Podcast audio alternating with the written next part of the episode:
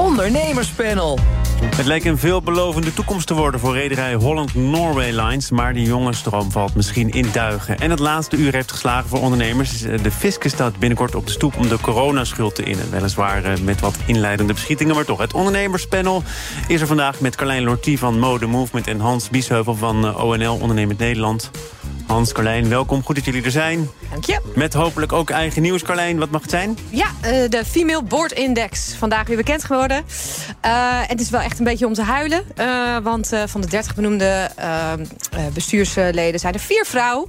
Dus het staat een beetje stil en ik vraag er wederom aandacht voor. En wat de reden ook mag zijn waarom die vrouwen dus niet in die topfuncties komen. Nou, wat mag de reden zijn? Is daar nog iets nou, over bekend Vaak wordt gezegd, ze zijn niet te vinden. Of de, het moet juist de, de beste kwaliteit zijn. Um, en daar heb ik eigenlijk ook een nieuwtje over. Dus een twee in eentje vandaag. Want vandaag opent er weer een subsidiepotje. 1 september, hè? veel subsidiepotjes. En eentje daarvan is de Slim Subsidie. Dat is een stimuleringsregeling leren in het MKB. En die gaat over de ontwikkeling van mensen in het bedrijf. Dus als je nou een slimme ondernemer bent en je denkt... ja, ik wil wel eens weten wat voor talent er in mijn organisatie zit... zelfs daar is talent voor. Maar, maar, maar, en wat wordt er met dat geld dan gedaan? Um, een leerplan onderling uh, onder, in de organisatie kan je laten maken. Je kan uh, ontwikkelgesprekken, loopbaangesprekken. Dus even op het antwoord op de vraag: is er talent aanwezig? Is er vrouwelijk talent in de organisatie? Ja, dat, dat moet je ook ja, zelf. Maar daar kan je denk ik ook niet meer mee aankomen. Ja, het is een beetje een vermoeiend gespreksonderwerp, omdat er blijkbaar niet zo heel veel gebeurt. Ja, Toch wel goed dat je het onder de aandacht brengt hoor. Maar uh, rapporten over uh, de vruchten van diversiteit, beter presterende uh, organisaties, beter presterende bedrijven, quota die zijn ingevoerd. Jij hebt daar natuurlijk, denk ik, als directeur van de NCD ook wel je opvattingen over gehad en geprobeerd dat verder te verspreiden. Verbaast het je dan toch nog dat dit de resultaten zijn? Um, nee, het verbaast me niet. Ik vind het wel echt, echt oprecht teleurstellend. En dat heeft ook wel met die vrouwen zelf te maken. En ik ben zelf ook een vrouw. Je moet ergens gaan staan. Je moet ook echt weer laten horen. Want um, als, als de goede gemeente zegt dat ze niet te vinden zijn... laat je dan gewoon zien. Ga ook gewoon op, die, op, op LinkedIn zeggen dat je directeur bent. Ja, maar sommige mensen past dat misschien wat minder. Ja, en dat is met name vaak van het vrouwelijke geslacht. Dus ja, daar hebben we weer. We zijn weer rond. Ja. Hans van het mannelijke geslacht, denk ik. Ja, je weet het ja, tegenwoordig niet meer, maar wel, moet het zomaar. 58 jaar, ja. twijfel ik daar niet aan, hoor. Wat is jouw nieuws? Nou, eigenlijk twee dingen. Eén, uh, bij de concurrentie weliswaar bij de ondernemer... heb ik vandaag gepleit voor een aanjager voor de, uh, nou, MKB-financiering. We hebben Prins Constantijn als techliepman. Nou, ik wil eigenlijk zo iemand ook voor MKB-financiering. Wie zou het moeten zijn? Nou ja, misschien Ronald Kleverlaan of zo. Iemand die er veel van af weet. Maar er wordt ontzettend veel over MKB-financiering gesproken. We hebben een enorme duurzaamheidsuitdaging met elkaar. En die financiering stokt. Nou, in de Tweede Kamer zijn allerlei prachtige moties aangenomen. Kamerbrede steun nou, voor. MKB-banken, ja. nieuwe fora, Alleen nieuwe platforms waar mensen elkaar zouden kunnen vinden. Ik ben bang dat we pas volgend jaar mei, juni een nieuw kabinet hebben. En het mag echt niet stilstaan. Dus ik wil echt een aanjager die met al die politieke steun in de achtergrond gewoon aan de slag gaat daarmee. Dus dat is één nieuwtje. En andere nieuwtjes dat ik me toch wel wat zorgen maak nu over uh, nou, een heleboel uh, zaken in Den Haag. We hebben pas uh, 19 september Prinsjesdag. Nou, dan hebben we een week later algemene beschouwingen. En dan half oktober gaat men op verkiezingsreces. Dat betekent dat in drie weken tijd de hele begroting er doorheen moet. En we zien nu al de controverses. Hè. Mevrouw Van der Wal, even als voorbeeld, die pleit als minister nog steeds voor stikstofnormen in 2030. Maar we hebben vandaag gelezen in het VVD-verkiezingsprogramma dat de VVD pleit voor 2035. Nou, ze komt op de lijst. Dan vraag je af, ja, als, als VVD. Wat vinden we nou eigenlijk? Kandidaat wil ze 2035, als minister nog 2030. Nou, dit is maar een voorbeeld. Erik van den Burg geldt hetzelfde voor. Hè? Hij wil staatssecretaris de spreidingswet, maar de VVD zegt nee, maar wij gaan tegen de spreidingswet stemmen. Dus met andere woorden, ik vrees een totale stilstand werkelijk in Den Haag de komende jaar. Maar hoeveel mensen hebben niet al gepleit voor het tegendeel van totale stilstand, namelijk toch proberen zoveel mogelijk zaken door te laten gaan? Ja, die, die roep kan toch niet helemaal genegeerd worden? En uiteindelijk gaat de Kamer daar nog over, die is missionair. Ja, maar Thomas, als, als over maand men met verkiezingsreces gaat hè, en er moet ook nog een begroting doorheen en een Prinsjesdag, dan is simpelweg kan je wel willen, maar de ruimte is er niet. En je ziet nu, nu dus al dat minister Jezilkus nog wel voor de spreidingswet is. Maar als lijsttrekker is ze er tegen. Nou, dat zou je bij andere partijen ook gaan zien. Met andere woorden, grote stilstand uh, dreigt enorm. En dat kunnen we niet hebben, want kijk, we zitten in een krimp, uh, krimpende economie. Weliswaar een milde recessie. We hebben schulden, we hebben al die uitdagingen. En ik vind het ieder voor bedrijfsleven niet acceptabel dat we een jaar weer in de wachtstand moeten. jij hebt je eerder al zorgen gemaakt over het bedrijfsleven. Ik hoorde je, dacht ik gisteren ook bij ons zeggen... de verdienkracht van Nederland staat onder druk. Als je nu kijkt naar die 2 miljard die wordt vrijgemaakt... om uh, de laagste inkomens tegemoet te komen... dan wordt dat toch hoofdzakelijk wel gedekt... door iets te doen aan inkomens van de mensen die het meeste verdienen... en in mindere mate door het bedrijfsleven aan te slaan? Of zie ik dat verkeerd? Nou ja, dat moeten we nog zien. Hè. Kijk, de officiële plannen kennen we natuurlijk nog niet. Ja, maar ik ken jou wel. Jij weet ze wel. Ja, maar Thomas, en ik heb er toch voor gewaarschuwd... omdat bij de afgelopen twee keer edities van de miljoenennota... Uh, vervolgens, hè, toen het besproken werd in de Tweede Kamer... de Tweede Kamer zoveel eisen stelde dat alsnog de lasten voor bedrijfsleven met miljarden omhoog gingen uh, na de algemene beschouwingen. Dus ik geef nu vast een schot voor de boeg. Hè, daar was het gisteren voor bedoeld. Ja. Want, uh, en ik heb een heel goede partner daarbij. Hè, en dat is minister Adriaansens. Die uh, anderhalf week geleden heeft gepleit voor geen lastenverhoging voor bedrijven. Waren niet al haar kabinets collega's met haar eens. Nee, maar goed, ik laat zo zeggen, ze zegt het niet voor niks. Het is wel de minister van Economische Zaken. Ze had een heel helder argument. Ze zei één, de lasten zijn de afgelopen jaren fors gestegen voor het bedrijfsleven. We zitten in een krimpende economie. De rente gaat heel fors omhoog. En wat doe je dus als je de lasten nu gaat verhogen? dan druk je die recessie dieper, eh, druk je de bedrijfsleven dieper de recessie in.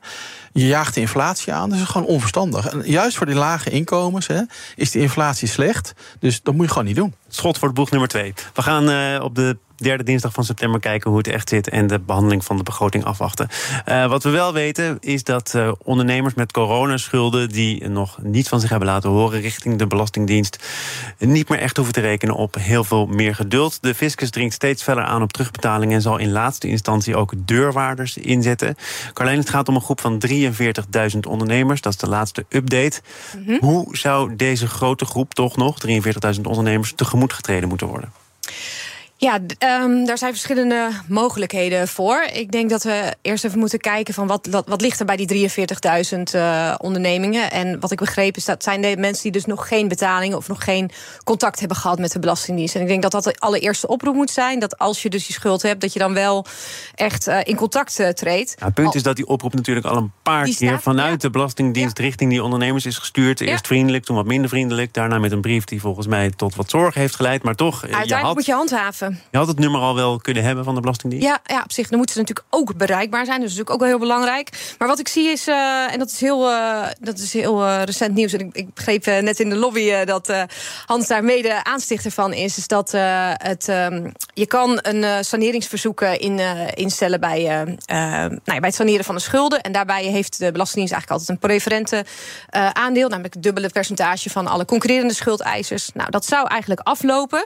Tot 1 oktober zou dat uh, zou dat weer dubbele zijn. Maar dat is dus mede door de lobby uh, van ONL. Dank u, dank u. Als u, als u deze credits zijn voor u. Uh, zijn, is dat verlengd per tot 1 april 2024? Kijk, en dat is een middel, een, een, een mogelijkheid om dus wel die levensvatbare ondernemingen. Een, Waardoor de Belastingdienst nu genoeg neemt met hetzelfde percentage als de andere schuldeisers. Ja. Nou ja, het gaat dus eigenlijk over de toepassing van die WOA. Hè. Deze week ook een paar keer bij jullie op de zender geweest. Hè. Dan kan je zeg maar op een nette manier je schulden saneren en dan door met je bedrijf. Kan je faillissement voorkomen.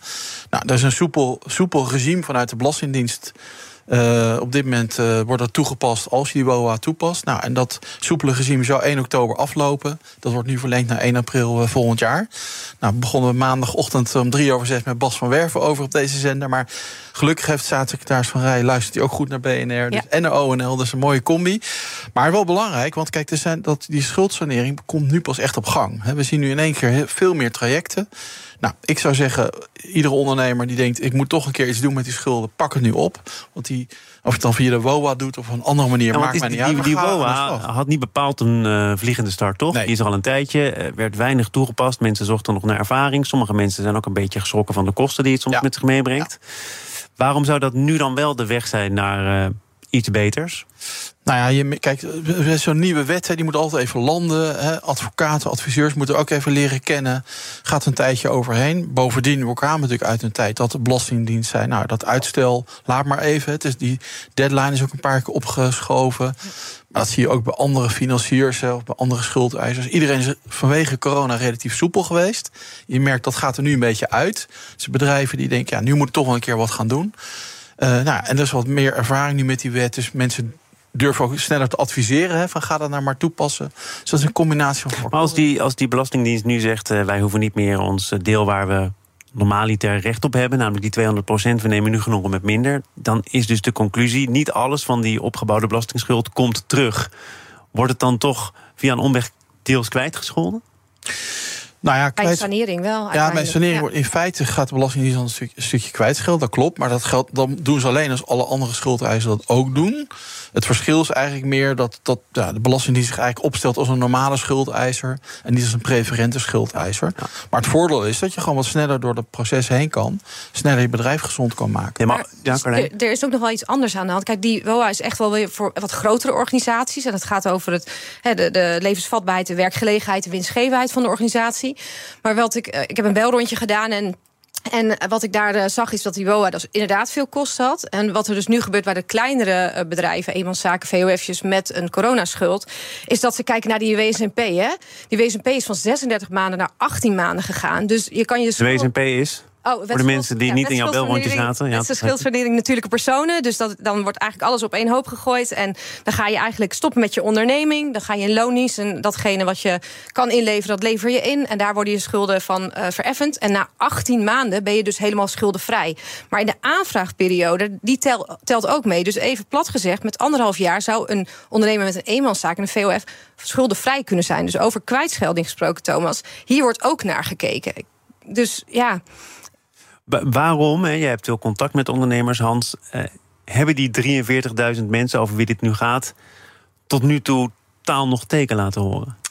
Ja, nou ja, dat is, dat is lastig, want er zijn heel veel verschillende redenen. Kijk, wat je ziet, er zijn ondernemers die denken... joh, zolang de deurwaarder niet voor de deur staat... nou ja, ik wacht er gewoon rustig eens even af, kijk wel. Er is ook schaamte. Er zijn, ik ken heel veel ondernemers ja, die balen nog steeds van... dat ze in die schuldpositie zitten of een moeilijke positie. Die vinden het heel lastig uh, om daarover te praten, om hulp te zoeken. Dat, dat zit er ook heel erg tussen. Ja, er zitten ook mensen tussen, ja, ik zeg niet graag, die de boel een beetje belazerd hebben. Uh, dat zit er ook tussen. Dat is natuurlijk voor de Belastingdienst allemaal moeilijk te filteren. Was dat, is dat in het begin geweest? Want ja, we kregen de oproep, stel maar uit. En uh, heel Nederland mocht dat doen. Uh, en toen ging het meer om de snelheid en om, om de zorgvuldigheid. Nou ja, daar zitten ook nog uh, allerlei bedrijven tussen. Ik vind het prima dat men een keer een streep in het zand trekt. Hè, want er zijn natuurlijk veel meer bedrijven die gewoon hun belasting wel betaald hebben. Ik ben nooit voor zomaar kwijtschelden geweest. Dat vind ik niet, geen fair play. Uh, ik zeg nog steeds tegen iedereen die nu luistert: hè, ik weet dat als je nu met de Belastingdienst belt, je maakt nu een afspraak, kan je nog steeds een maatwerkafspraak maken. Maar dan moet je wel contact op gaan nemen en het echt nu een keer gaan regelen. We gaan naar deel 2 van dit panel. BNR Nieuwsradio. Zaken doen. Thomas van Zeil. Door gedwongen vertrek uit de Eemshaven kwam rederij Holland Norway Lines in de financiële problemen. De veerboot tussen Nederland en Noorwegen heeft nu uitstel van betaling aangevraagd bij de rechter. Eh, heeft het bedrijf zelf naar buiten gebracht. Verschillende media hebben daarover geschreven. Het is in 2020, dus niet zo gek lang geleden, begonnen. Het ging ook hartstikke goed. Er was veel uh, enthousiasme, veel interesse, maar ik wist het zelf ook niet. Ze waren afhankelijk van een, een aanlegplek die erop neerkwam nou, je moet een beetje geluk hebben wie het eerst komt, wie het eerst maalt. Ja, ja Thomas. Ik, is eh, kwetsbaar. ik heb het ook zitten lezen met enige verbazing. Kijk, ik ken achtergrond niet helemaal. Dus we, we, hebben een beetje speculatie. Maar goed, daar is het ondernemerspanel ook wel heel goed in. In speculeren? Uh, ja, een beetje speculeren. een beetje...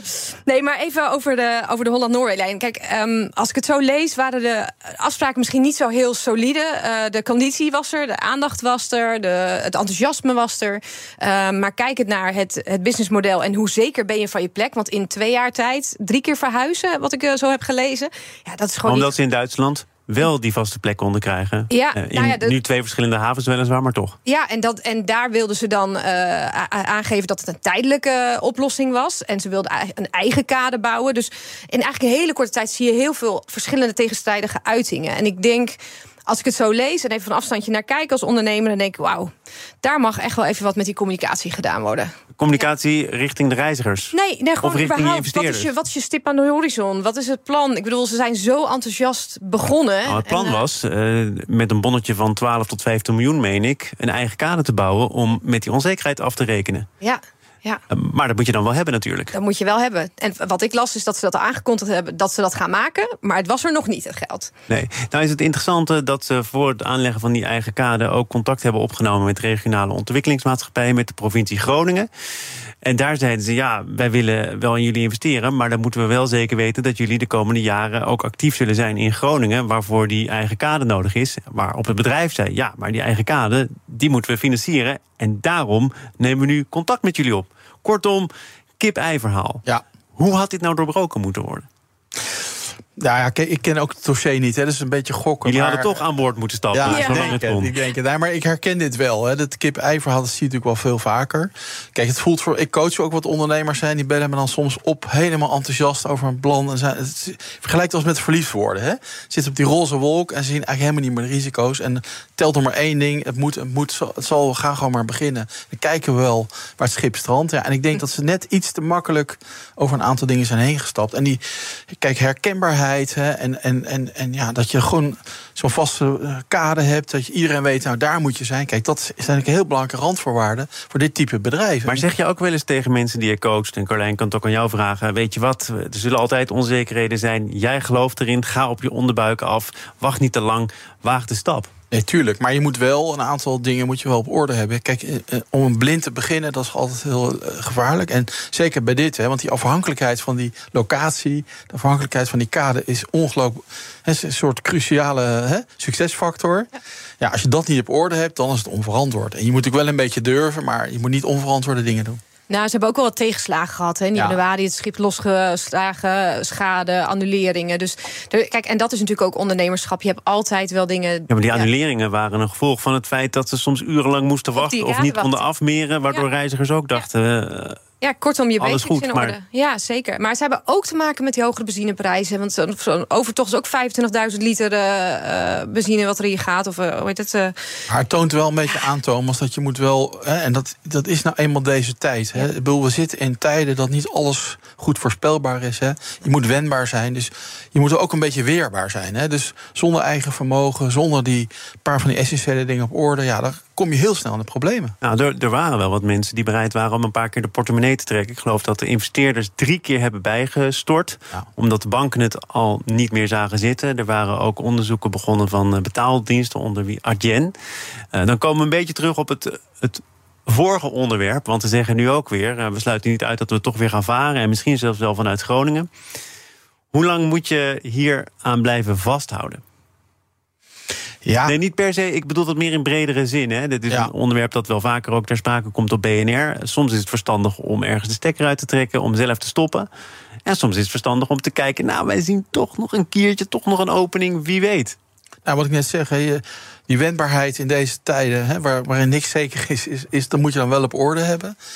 Eh, en kijk, ik kan me voorstellen, kijk, ik, ik kom vaak in de regio, maar dan kom ik daar vanwege de, hè, de ondernemers die last hebben van de aardbevingsschade. Maar die, die, dat gebied heeft natuurlijk een enorme impuls nodig de komende jaren. Die, dat hele gebied moet economisch weerbaar worden. Ik kan me voorstellen dat als je in die regio zit, dat je denkt, nou, het zou fantastisch zijn als zo'n bedrijf zich daar vestigt en echt serieuze aantrekkingskracht heeft. Dus ik denk dat je wat kan, maar dan moet je ook die regio meenemen. Hè. Dan moet je echt een breder plan hebben dan alleen die veerdienst.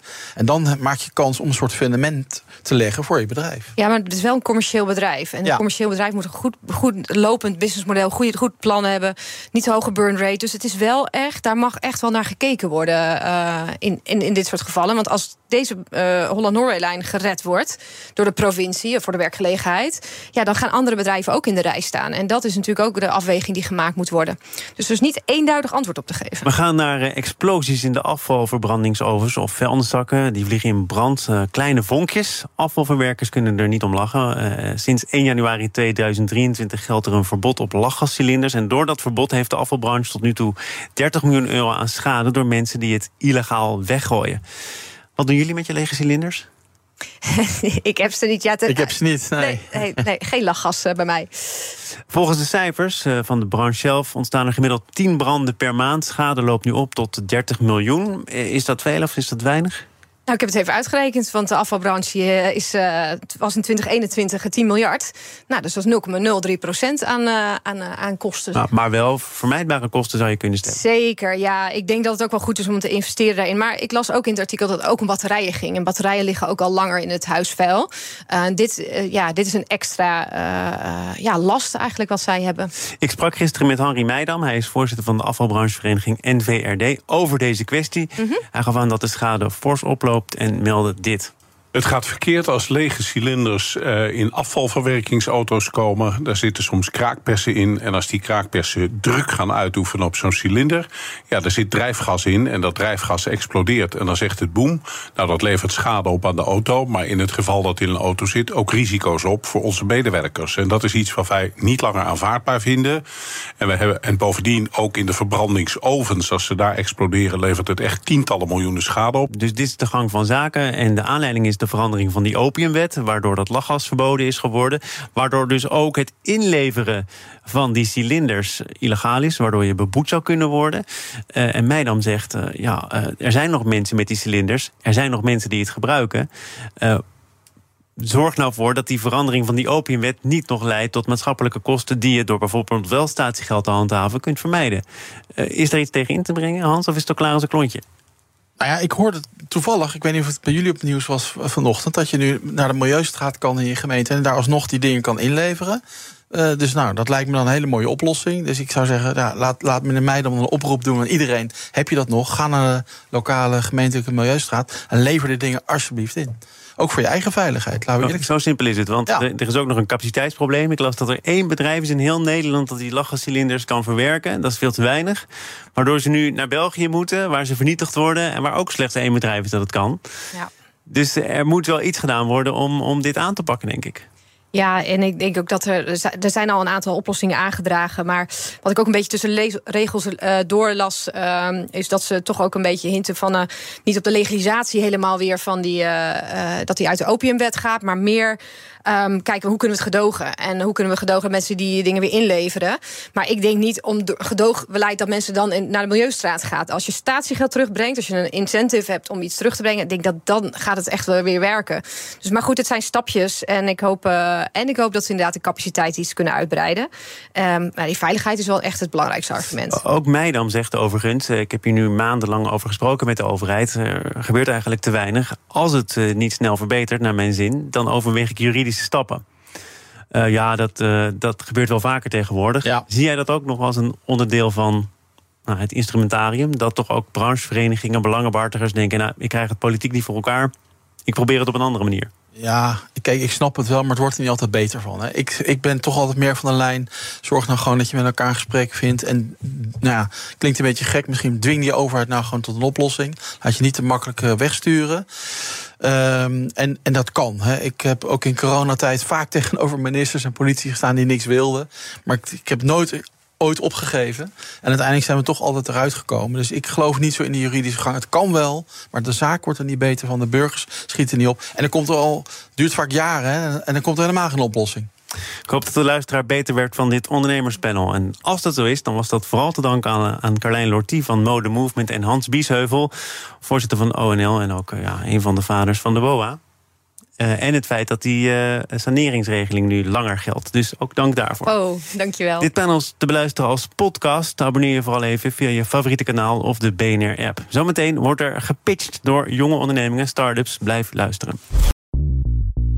Bij BNR ben je altijd als eerste op de hoogte van het laatste nieuws. Luister dagelijks live via internet. Jelle Maasbach. Wesley Weert. We zijn er voor je met het leukste, opvallendste, maar natuurlijk ook het belangrijkste nieuws. Tijdens de presentatie van die halfjaarcijfers toen die beurskoers in elkaar kukkelde. BNR Beurs. Voor de slimme belegger. Blijf scherp en mis niets.